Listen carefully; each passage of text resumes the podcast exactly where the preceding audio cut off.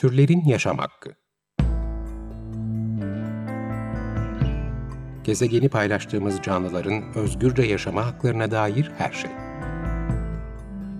Hazırlayan ve sunan Işıl Karaelmaz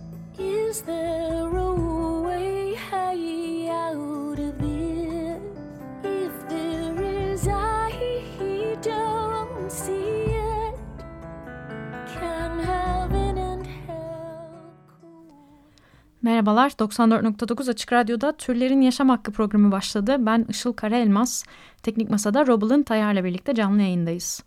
Uzun bir aradan sonra konuksuz bir program yapıyorum bugün. Çünkü önemli bulduğum bir konuyu daha size anlatmak istedim, kendim araştırıp. O da deniz canlıları ve balıklar konusu. Bugün onlardan bahsedeceğiz biraz.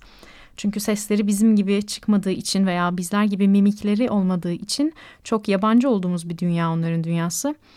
Daha önce bu programda e, süt ve yumurta tüketmemizin hayvanlara nasıl zararı olduğundan bahsetmiştik. Bu ürünleri tüketmeye devam ederek onları nasıl bir esaret hayatına mahkum ettiğimizi anlatmıştım. Hatta vejeteryan bile olarak hala onların öldürülmesine nasıl sebep olabildiğimizi konuşmuştuk. Bugün de balıklar başta olmak üzere deniz canlıları ile ilgili konuşalım istedim. Çünkü balıkların hayatını diğer hayvanlara göre özellikle memelilere göre daha az önemliymiş gibi algılıyoruz. Ne yazık ki böyle bir durum var. Hani et yemiyorum dediğinizde orada burada nasıl yani balık da mı yemiyorsun gibi sorularla karşılaşıyoruz. Sanırım biraz da bundan kaynaklanıyor. Ben de 15 yıl boyunca vejeteryandım vegan olmadan önce ama balık da yiyordum aslında yani vejeteryan da değildim. Bizde biraz balığı bitkiyle karşı karıştırma durumu var ve yaygın bir durum bu oldukça. Bir de tabii kültürümüzde balık ve deniz ürünü tüketimi tabii oldukça yaygın. Ee, şarabın yanına peyniri koyduğumuz gibi rakının yanına da balığı koymasak olmuyor gibi geliyor. Yani mesele hep bizim boğazımızla ilgili aslında. Bu nedenle biraz bu canlıların dünyasına girelim istedim. Zira onların dünyası bize kara hayvanlarından bile daha uzak. Hem memeli olmadıkları için empati yapmakta zorlanıyoruz. Başta da dediğim gibi kolay empati yapmamızı sağlayacak mimikleri veya sesleri yok. Ayrıca suda yaşıyorlar. Temas e- etme imkanımız çok kısıtlı. Dolayısıyla deniz canlılarını biz hiç tanımıyoruz aslında. Bizlerle, insanlarla olan benzerliklerini, farklarını, bazı muhteşem özelliklerini hiç bilmiyoruz. Yine sadece tabağımızda ve ve de damağımızda tanıdığımız türlerden ibaret ne yazık ki deniz canlıları. Şimdi balıklar söz konusu olduğunda ilk akla gelen soru genellikle balıklar da bizim gibi acı çekiyorlar mı ki oluyor. Çünkü balıkların bizim gibi acıyı hissetmediklerini, duyguları olmadığını, dolayısıyla da yakalandıklarında yani yanaklarından bir kanca geçirildiğinde, saplandığında veya suyun dışında boğularak öldürüldüklerinde acı çekmediklerini düşünüyoruz. E, Buna dair yapılan birçok araştırma var ve bu aslında hala devam eden bir tartışma. Ben de bugün birkaç referansla bu tartışmaya biraz değinmek istiyorum. E, ilk olarak The Guardian'da yayınlanmış bir makaleye değineceğim. Ekim 2018 tarihli bir makale. Carl Safina'nın Are We Wrong to Assume Fish Can't Feel Pain adlı makalesi yani balıkların acı çekmediklerini düşünmekte yanılıyor muyuz diye soruyor makale. Neticede verdiği cevap evet tabii ki yanılıyoruz aslında acı çekiyorlar diyor. Şimdi bu makaleden özetlemeye çalışacağım. Ee, balıkların acı veya herhangi bir şey hissetmediğine dair iddia defalarca öne sürülmüş aslında.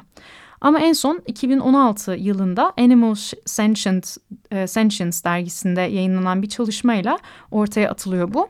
Avustralyalı nörobilimci Brian Key tarafından balıkların memeliler gibi bir neokorteksi olmadığı için acı veya başka herhangi bir şey hissetmediklerini iddia ediyor burada. Tabii bu makale bu tartışmayı tetikliyor ve ona cevaben 30'un üzerinde aksini kanıtlayan araştırma yayınlanıyor. Hepsinde de balıkların aslında acı, kaygı, zevk gibi duyguları hissedebildiğine dair kanıtlar var. Carl Safina ise e, Brian Keane bu argümanını şuna benzetiyor. Biz insanlar bacaklarımız ve ayaklarımızla hareket edip ilerliyoruz. Peki balıklar için bacakları olmadığı için hareket edemeyeceklerini söyleyebilir miyiz? Diye soruyor ve neokorteks argümanını biraz buna benzetiyor. Ve sonra 2002 yılındaki bir araştırmayı hatırlatıyor bize. Orada da e, balıkların memelilere çok benzeyen bir sinir sistemleri olduğu ve insanlardaki gibi acı reseptörlerine sahip oldukları e, gösterilmiş. Bu 2002 yılındaki araştırmada. Dr. Lynn Sneddon'ın araştırması bu. Balıkların sinir sistemi üstündeki bir çalışma ile bu kanıtlanıyor acı reseptörleri olduğu.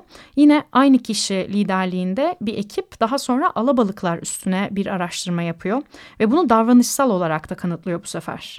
Ki gördüğüm birçok kaynakta balıkların acıyı hissettikleriyle ilgili bu araştırmaya referans veriliyor. Bu araştırmada şöyle, e, Doktor Lynn Sneddon liderliğindeki bu ekip alabalıkların dudaklarına, dudakların içine arı zehri ve sirke enjekte ediyorlar. Ve görüyorlar ki zehir enjekte edilen alabalıklar hem daha hızlı nefes alıp vermeye başlıyorlar hem ortamdaki yemlerle ilgilenmemeye başlıyorlar ve de dudaklarını akvaryumun içindeki taşlara sürtmeye başlıyorlar. Tabii bu tepkilerin bir refleks olmadığı ve hayvanların acı çektiğine dair bir ölçüt olduğu söyleniyor neticede. Ki e, balıkların dudaklarına saplanan bir kancayla yakalandıklarını düşünürsek aslında böyle bir durumda hayvanlara acı çektirdiğimiz oldukça açık diyebiliriz. Tabii şunu söylemeden geçmeyelim bu deney ve hayvanlar üstündeki hiçbir bilimsel deneyin etik bir dayanağı olamayacağını e, düşündüğümü de ifade etmek istiyorum tekrar. Bir bilimsel gelişme amacıyla bile olsa hatta hayvanlar lehine bir gelişme bile söz konusu olsa deneyde kullanılan bu hayvanların rıza vermelerinden bahsedemiyoruz. Dolayısıyla hayvanların bu tip deneylerde kullanılması kesinlikle etik değil tabii. Bunu da belirtmek istedim kısaca. Şimdi The Guardian'daki Carl Safina'nın makalesine dönecek olursam e, aynı şekilde balıkların insanlarla ortak bazı beyin kimyasalları salgıladıklarını da e, söylüyor burada. Araştırmalarla tespit edilmiş. Örneğin dopamin veya serotonin gibi acıyı azaltan kimyasalları balıklar da salgılıyorlar. Yine bu makalede balıkların bazı dalgıçları yeniden gördüklerinde tanıdıklarını ve de başlarının okşanması isteğiyle onlara yaklaştıklarından bahsediliyor. Burada başın okşanmasından aldıkları zevk acı çekme kapasitesini de beraberinde getiriyor deniyor makalede. Ve bunun üstüne şunu da ekliyor. Araştırma sonuçlarına göre bazı balık türleri uzun süreli bellek, sosyal bağlılık, ebeveynlik, öğrenilmiş gelenekler, alet kullanımı ve hatta türler arası işbirliği görünüyor. Bu becerilere kıyasla acı ve korku hissetmek daha primitif ve basit kalıyor diyor. Ee, bunu destekleyen birçok örnek verdikten sonra da balıkların acı, korku ve stresi hissedebildiklerini ama bunu kabul etmenin biz insanlar için aslında oldukça zor olduğunu söyleyerek bitiriyor. E, makaleyle ilgili söyleyeceklerim bu kadar ama şimdi daha önceki programlarda referans verdiğim bir kitaptan da alıntı yapmak istiyorum yeniden. O da Tabağındaki Yüz adlı kitap Gıda Hakkındaki Gerçekler. Yazarı Jeffrey Musef Mason ve çevirisini de Zülal Kalkandele'nin yaptığı bu kitapta balıklarla ilgili bir e, bölüm var. Bu kitapta da bu alabalıklarla ilgili yapılan araştırmaya referans veriliyor acı konusunda. Onun üstüne de şöyle e, bir ekleme yapıyor. Bilimsel kaynaklar oldukça nettir. Balıklardaki acı sistemi atomik, psikolojik ve biyolojik olarak esas itibariyle kuşlar ve memelilerin sistemiyle aynıdır deniyor. Ve de balıkların hafızaları ile ilgili de şöyle bir e, çalışmaya referans verilmiş. Edinburgh Üniversitesi'nde aynı bilim insanlarından oluşan ekip balıkların beyninin önemli ölçüde bizimkine benzediğini de keşfetti. Balıklardaki amigdalanın insanlardaki gibi duygularla ilgili olduğunu buldular. Ön beynin bu bölümü hasar gördüğünde amigdalasında lezyon oluşan insanlar gibi balıklar da korku hissini kaybeder. Bu konuda çalışma yapan bilim insanlarından birisi olan Victoria Braithwaite daha da ileriye giderek balığın acı çekip çekmediğini sormamızın bu kadar uzun zaman alması ilginçtir. Muhtemelen kimse bu sorunun yanıtını bilmek istemiyordu demiştir. Aynı zamanda hafıza ile ilgili şöyle bir bölüm var. Edinburgh Üniversitesi'nde bilişselliğin evrimi üstüne çalışan biyolog Colin Brown, balıklar göründüğünden daha zekidir. Hafıza gibi birçok alandaki bilişsel kapasiteleri insan olmayan primatlar dahil daha üstteki omurgalılarınkini yakalar ya da geçer diyor. Uzun süreli hafızaları karışık sosyal ilişkilerinin izini sürmelerinde yardımcı olur. Her açıdan herhangi bir omurgalınınkiyle eşit olan uzamsal bellekleri polarize ışık, ses, koku, somon balığının koku alma hissi köpeğinkinden daha hassastır ve görsel işaretleri kullanarak suyun içindeki evlerini bulmalarında rehberlik eden bilişsel haritalar yaratmalarını sağlar demiş. Şimdi balıklar acıyı nasıl yaşıyor tartışmasını e, burada bırakacağım. Benim uzmanlığım da değil aslında bu konu. Sadece araştırıyorum. Bulduğum bu kaynakları tabii ki de paylaşabilirim. E, hepsi tartışmaya açık kaynaklar. Aslında işin bu tarafını, e, işin bu tarafı için Açık Radyo'da hayvan bilinci konusunu da sık sık ele alan Açık Bilinç programına bakılabilir. Güven, Güven Güzeldere tarafından hazırlanan e, programın arşivinde sanıyorum hayvan bilinciyle ilgili daha fazla kaynak bulabilirsiniz. Spotify'da mevcut bu arşiv. Ben şimdilik bu noktada bırakayım. Ama şunu vurgulayalım. Ee, balıkların ve diğer deniz canlılarının acıyı aynen bizler ve diğer memeliler gibi hissettikleri konusunda bilimsel çok fazla kanıt var. Ve acıyı hissedebilen her varlık da acıdan kaçınır. Tabii ki acı çekmemek ister. Bu konuda herkes hemfikirdir diye düşünüyorum. Şimdi biz insanlar olarak deniz canlılarına neler çektiriyoruz biraz o konuya geçeceğim. Ee, senede tam olarak kaç tane deniz canlısının yani birey olarak kaç bireyin öldürüldüğünü bilemiyoruz. Çünkü bu veriler ağırlık ölçüsüyle yani ton üzerinden tutuluyor. Ee, balık türlerinin ortalama ağırlığına bölünerek yaklaşık rakamlar hesaplanıyor.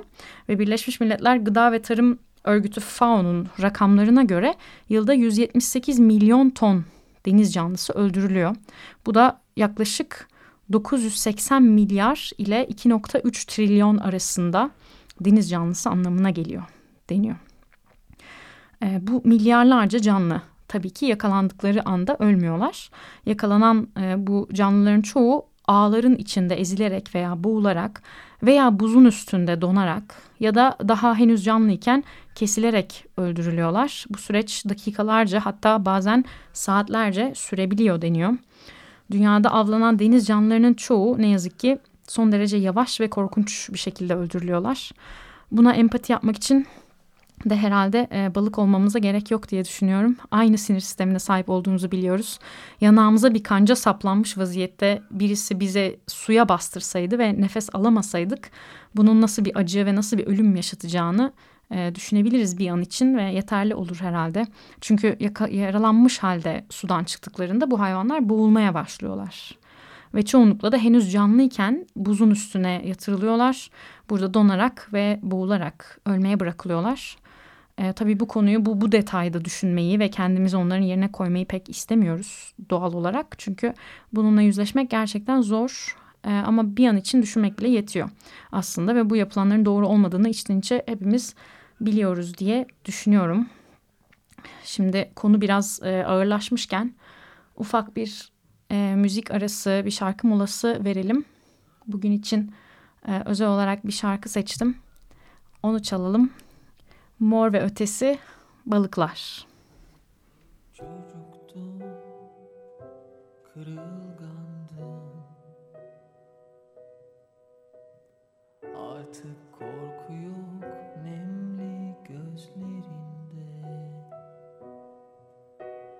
Yüzlerce, binlercesi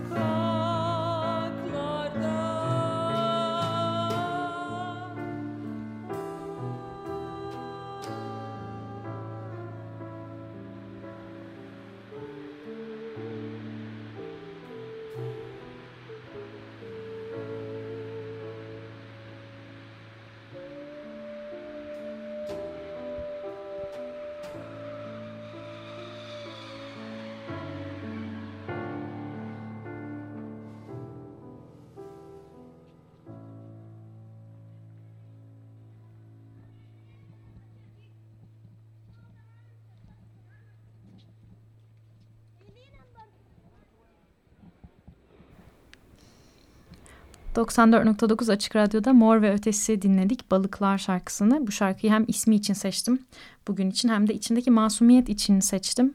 E, çünkü çok hayvanlara özgü bir masumiyeti hatırlatıyordu bana. Türlerin yaşam hakkı devam ediyor. Bugün bize nispeten daha uzak olan bir türden, e, türlerden ve pek tanımadığımız deniz canlılarından bahsediyoruz. Özellikle de balıklardan. Balıkların acıyı aynı memeliler gibi hissedebildiklerini fakat bunun insanlar tarafından bilinmediğini, bu nedenle de çok vahşice davranıldıklarını ve vahşice öldürdüklerini konuştuk. Biraz da balıkçılık genelinde iki konudan bahsedeceğim şimdi kalan vaktimizde. Birincisi yan av denilen çok ciddi bir durum var. Bycatch veya bykill de deniliyor. Nedir bu yan av? Ee, şöyle bir şey aslında avlanmak istenen balığın yanında kazara ağa takılıp yok edilen deniz canlılarına sayılarını gizlemek amacıyla e, verilen bir isim bu yan av. Bunların dünyada yakalanan balıkların dörtte birini oluşturduğu hesaplanıyor. Bu rakam değişiyor bazı kaynaklara göre. İçlerinde ender rastlanan türler olduğu gibi binlerce yengeç, deniz yıldızı, yavru morina balığı, köpek balığı ve yüzlerce diğer tırnak içinde istenmeyen deniz yaratığı ve çok sayıda tür de vardır. Bu şekilde avlandıktan sonra ölü olarak okyanusa geri boşaltılırlar. Yani mesele sadece insanlara gıda olması için okyanustan çıkarılan canlılar değil. Onların çok daha fazlası tırnak içinde istenmeden avlanan türler oluyor. Ee, yine FAO'nun rakamlarına göre avlanan her bir kilo balık yanında tam beş katı kadar yani beş kiloda istenmeden yakalanan canlı türü e, oluyor. Canlılar öldürülüyor ve by kill deniyor buna yan av deniyor. Bazı rakamlar hatta bunun dokuz katına çıkabileceğini söylüyor. Ee, buna sebep olan ne? Tabii ki çok büyük ölçekli balıkçılık teknikleri var. Mesela paragat avcılığı denilen veya troll avcılığı denen teknikler buna sebep oluyor. E, paragat avcılığı tekniği dediğimiz denize kilometrelerce uzunlukta bir ip salınıyor. Üzerinde yüzlerce yemli kanca bırakılıyor farklı boyutlarda ve denizdeki her türlü canlı bu kancalara takılabiliyor ve ölebiliyorlar. Bir araştırmaya göre bu paragat tekniği sebebiyle Pasifik Okyanusu'nda her sene 4.4 milyon deniz canlısı yan av olarak hayatını kaybediyormuş. Ve bu rakama ortalama 3.3 milyon köpek balığı, 1 milyon kılıç balığı, 59 bin deniz kaplumbağası, 77 bin albatros ve 20 bin yunus ve balina da dahil. Diğer bir teknik troll avcılığı. E, bu da bu da şöyle bir şey devasa boyutlarda torba şeklinde bir ağ ile denizin içini tabiri caizse süpürerek yapılıyor bu avcılık. Yani bu torba ağ gemilerle ilerletilirken denizin altında ne var ne yok her şeyi içine topluyor. E, hatta bunun karadaki karşılığını da şeye benzetiyorlar yağmur ormanlarının tıraşlanmasına e, yok edilmesine benzetiyorlar. Troll avcılığıyla esas olarak karides yakalanması amaçlanıyor ama ağa dolan canlıların tam yüzde seksen ile yüzde doksan sekiz oranında istenmeyen av olduğu söyleniyor. Ve bütün bu hayvanlar ölü olarak denize geri bırakılıyorlar.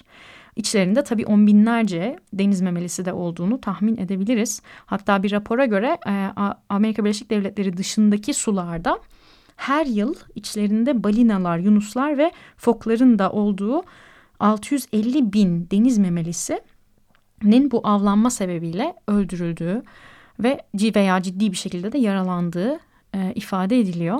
Yani burada şunu da diyemiyoruz bu durumda. Hani ne var canım ben sadece normal balık yiyorum. Deniz memelilerine bir zararım yok diyemiyoruz. Çünkü biz balık ve deniz ürünü tükettiğimizde bütün bu deniz ürünleri endüstrisini her şeyiyle desteklemiş oluyoruz. Yani bunu kabul etmek zorundayız. Aynı süt yumurta tüketimi gibi süt yumurta tüketiminin et endüstrisini beslediği gibi yani daha az zararlı görünen bir şeyi yaptığımızı sanıyoruz ama aynı zararı vermeye hiç istemeyeceğimiz ölümlere sebep olmaya devam ediyoruz. Şimdi bahsedeceğim ikinci konu ise hayalet avcılığı denen bir mesele. O da şöyle nedir hayalet avcılığı? Ee, yine tabağındaki yüz kitabından okuyorum tanımını balık avcılığında kullanılan araçların bir kısmı çeşitli nedenlerle kayboluyor ve bu araçlar denizin içinde canlıları yakalamaya devam ediyorlar. Av malzemelerinin insan kontrolü dışında gerçekleştirdiği bu avcılığa hayalet avcılığı denir. Böyle isimlendirilmesinin nedeni yakalan, yakalanan canlıların ağ veya kafes üzerinde çürümesi ve av araçlarının içinin iskele, iskeletlerle dolmasıdır e, diyor çevirmenin notunda. Tabağındaki yüz kitabının çevirmeni de bu arada Zülal Kalkandelen hayvan hakları aktivisti. E, onun notunu okudum size. World Animal Protection'ın raporuna göre her yıl 640 bin ton balıkçılık ekipmanı kayboluyor ve okyanuslarda kirliliğe sebep oluyor. Fakat kaybolan balık ağları sadece kirliliğe sebep olmuyor. Okuduğum gibi aynı zamanda deniz yaşamını da yok etmeye devam ediyor. 2016 yılında başıboş balıkçı ağlarına takılan 71 balina rapor edilmiş. Yani balina boyutundaki hayvanları bile yakalayacak e, boyutta ekipmandan bahsediyoruz burada. Tabii ağa, kap, ağa takılıp kalmış ve nefes almak için yüzeye çıkamayan deniz hayvanlarının sonu ölüm oluyor. Sanırım hepimiz ağlara takılmış deniz kaplumbağalarının görüntülerine de aşinayızdır. Bunlar sık sık paylaşılıyor. Bugün de programın duyurusuna bu nedenle bunu koymuştum ben de.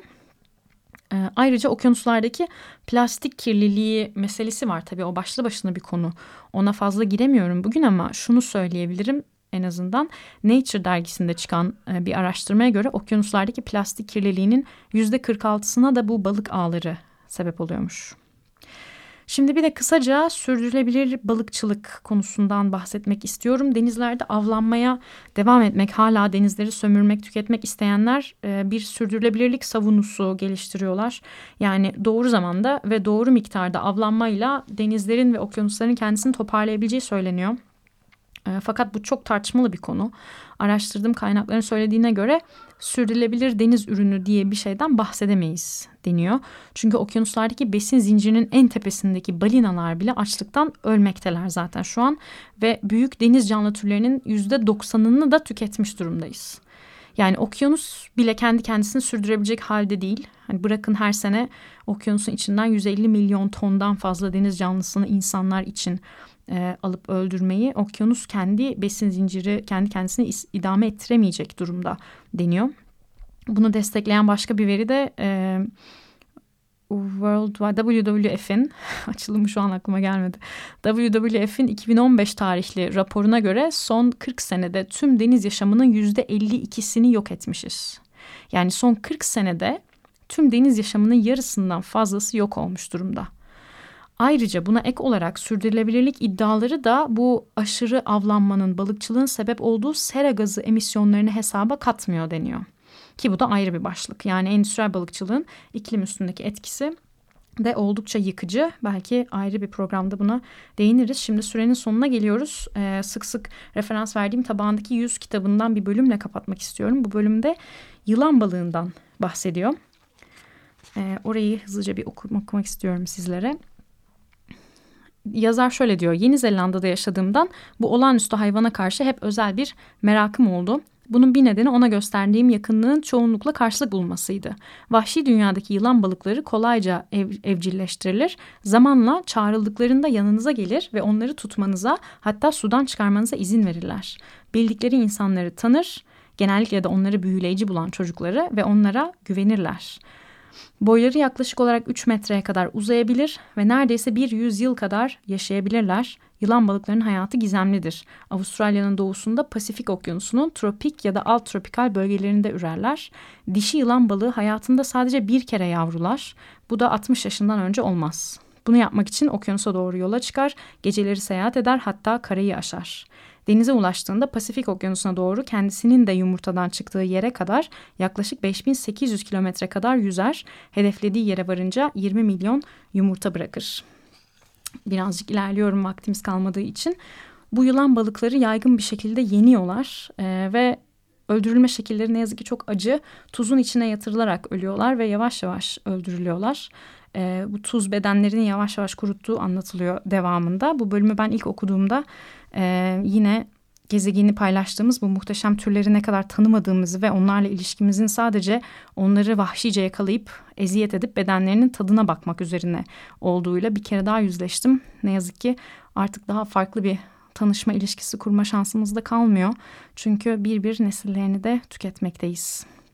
Evet 94.9 Açık Radyo'da türlerin yaşam hakkını dinlediniz. Bugün balıkları, deniz canlılarını ve onlara neler yaşattığımızı biraz konuştuk. Ee, aslında balık veya deniz ürünü yemeye devam ederek nelere sebebiyet verdiğimizi anlatmaya çalıştım. Kullandığım kaynakları dileyenlerle her zaman paylaşabilirim. Bana e-mail atarak alabilirsiniz. Programla ilgili yorumlarınızı da e-mail olarak bekliyorum. Adım Işıl Karaelmas, e-mailim isilkaraelmas.gmail.com Dinlediğiniz için çok teşekkürler. Haftaya görüşmek üzere. Türlerin Yaşam Hakkı Gezegeni paylaştığımız canlıların özgürce yaşama haklarına dair her şey. Hazırlayan ve sunan Işıl Karaelmaz